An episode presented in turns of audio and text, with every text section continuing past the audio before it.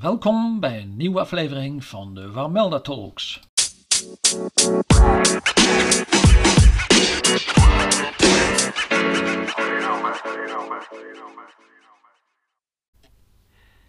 In deze derde en ook laatste aflevering over de doodstraf in Warmond praten we over daders, over beulen en ook sluiten we af met de laatste terechtstelling in Warmond en de afschaffing van de doodstraf.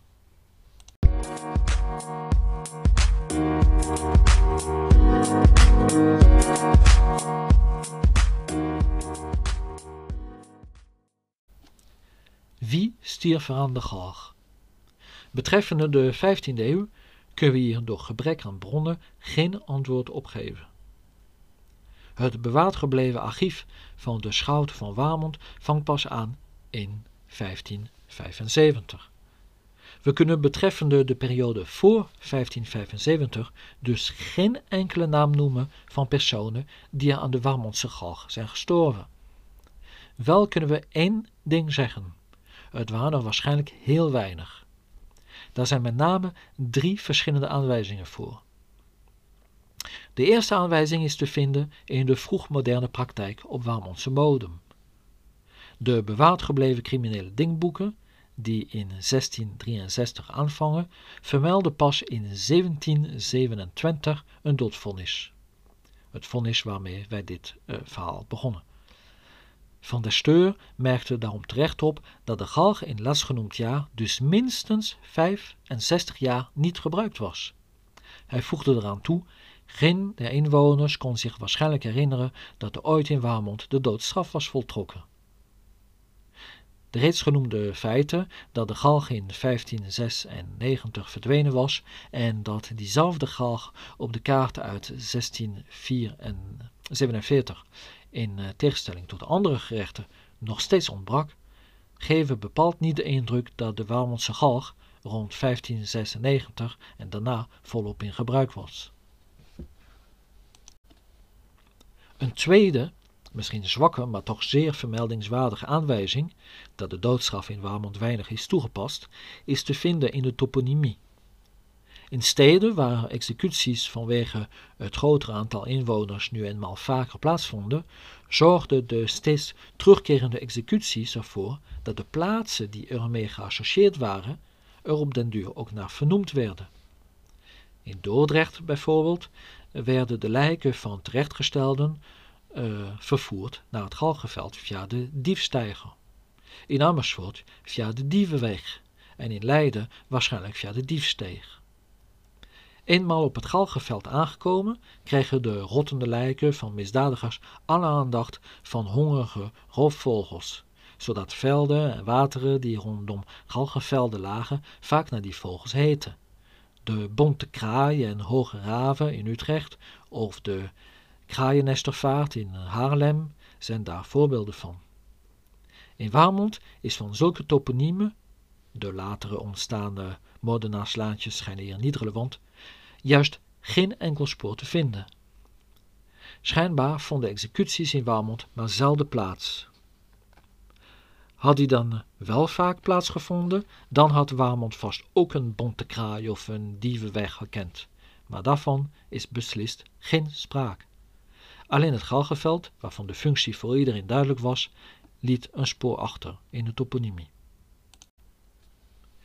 De derde en laatste aanwijzing dat executies in Warmond heel weinig voorkwamen, is te vinden in de middeleeuwse praktijk, zoals die zich elders laat kennen de middeleeuwen waren namelijk niet zo wreed als vaak wordt gedacht.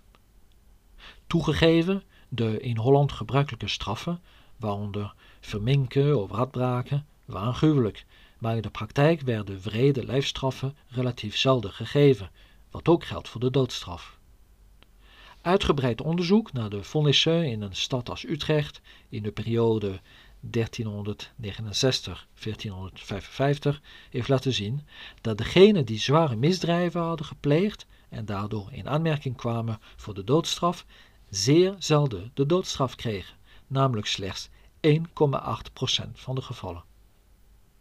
De meeste mensen kwamen vanaf met mildere straffen, boetes of zoengeld.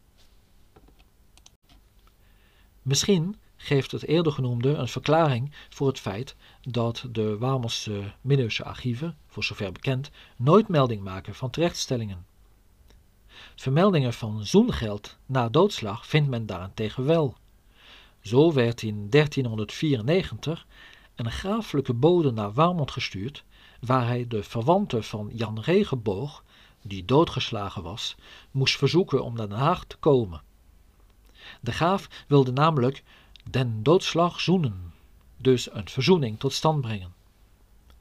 Enkele tientallen jaren later vernemen we uh, van een volgende zaak.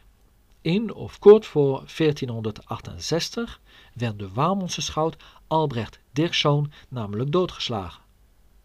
Van een daaropvolgende veroordeling van de schuldigen vernemen we niet, want de magen waren tot ene zoenen gekomen. De daders en hun verwanten betaalden zoengeld en deze penningen van de zoenen werden vervolgens aangewend om land aan te kopen. De opbrengst daarvan diende om de geestelijkheid te betalen, zodat die in de Warmelse dorpskerk ten eeuwige dagen wekelijks een mis voor Albrechts zielenhel zou houden. De reden dat de doodstraf in de middeleeuwen weinig werd opgelegd, ligt voor een deel in de omvang van de samenleving, die in de middeleeuwse steden en dorpen altijd vrij klein was. Veel inwoners waren elkaars kennissen of verwanten en de rechters wilden hun kennissen liever niet laten doden. De doodstraf werd dan ook vaak vermeden, behalve bij vreemdelingen. Bij hen lag het makkelijker. Vreemdelingen kregen eerder een strenge straf en ook werden zij makkelijker op de pijnbank gelegd. Uit de bewaard gebleven vonnissen uit de vroegmoderne tijd blijkt deze houding in Warmond expliciet. In de vele aantekeningen die dorpshistoricus W.C.A. Machen van de 17e-eeuwse en 18e-eeuwse Warmondse denkboeken maakte, vindt men de doodstraf slechts in twee vonnissen vermeld, en in beide gevallen waren de veroordeelden vreemdelingen, een jongeman uit Bremen en een oudere man uit de buurt van Zoetermeer. Dit gegeven, in combinatie met de middeleeuwse praktijk zoals die uit onderzoeken elders blijkt, suggereert dat de Wamelse rechtbank in de middeleeuwen net zo met vreemdelingen moet zijn omgegaan. Toch moet men niet denken dat misdadigers uit de eigen gelederen er altijd beter vanaf kwamen. Middeleeuwers wel, stelden wel grenzen. Als doodslag, zoals eerder bleek, wel verzoend kon worden, gold dat voor moord beslist niet. Vooral het verraderlijke karakter daarvan werd zeer verwerpelijk gevonden. Om diezelfde reden werd diefstal, een stiekeme en verraderlijke daad, ook met de galg bestraft. Sterker nog, vermogensdelicten werden in de praktijk vaak strenger bestraft dan agressiedelicten. In reeds genoemd onderzoek naar de Utrechtse vonnissen blijkt dat bij vermogensdelicten meer dan 4% van de daders de doodstraf kreeg, terwijl bij agressiedelicten maar 1,4% van de daders de, de doodstraf kreeg. Dat vermogensdelicten zo zwaar bestraft werden, had ook te maken met het feit dat bezittingen in de middeleeuwen, waarschijnlijk veel meer dan nu, onmisbaar waren voor iemands overlevingskansen. Diefstal vond men daardoor des te meer verwerpelijk en de doodstraf daardoor een passende straf. Het is maar zeer de vraag of Warmond ooit een eigen bul heeft gehad. Het ambt van bul was namelijk niet populair. In heel Europa werden beulen als eerloos beschouwd. Zij werden verafschuwd en gehaat. Er waren dan ook heel weinig beulen. In de praktijk, zo blijkt vaak uit de archieven, moest voor een executie een beul uit een andere plaats worden geleend. Er was voor de beulen sowieso weinig werk te doen. Waar haalde de schout van Warmond in de middeleeuwen zijn beul dan vandaan? Niet uit het nabije Leiden, want in de Leidse stadsrekeningen uit deze periode vonden we geen betaling die daarop zou wijzen. Bovendien is bekend dat Leiden voor de eerder genoemde terechtstelling uit 1395 zelf een beul uit Haarlem moest laten overkomen. Waarschijnlijk gebeurt dat wel vaker. Haarlem was sinds de vroege graventijd, toen Haarlem nog het hoofdgerecht van Kennemerland was, namelijk de stad van de Beul van Holland. De beul, die in dienst van het Hof van Holland was, had in Haarlem in feite zijn standplaats en hij reisde naar andere plaatsen om het te executeren. In middeleeuws Warmond zal men, net zoals men dat in Leiden deed, ongetwijfeld een beroep op de beul uit Haarlem hebben gedaan. Uit vroegmoderne vonnissen blijkt in ieder geval expliciet dat de beul, men sprak toen van de scherprechter, door de Warmondse rechtbank uit Haarlem werd gehaald. Het einde van de doodstraf op Warmondse bodem werd ingeluid door de 18e eeuw. De laatste terechtstelling, die betrof alweer een vreemdeling, vond plaats in 1749. De veroordeelde, een 62-jarige boer uit Zegwaard, die Cornelis Komen heette, had brand gesticht met voorbedachte raden.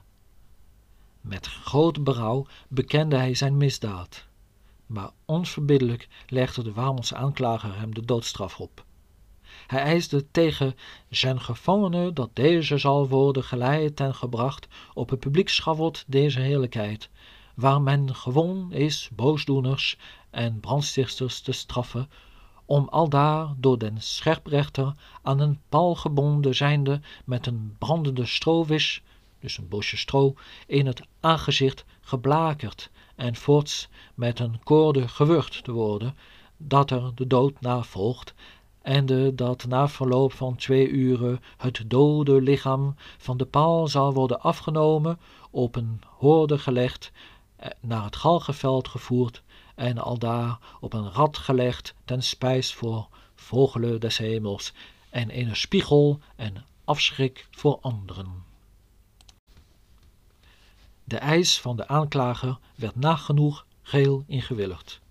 Slechts het laatste onderdeel van de strafeis werd op verzoek van de Warmondse welgeboren mannen aangepast. Besloten werd dat het dode lichaam na één uur zal worden afgenomen, in een kist gelegd en op het Galgenveld begraven.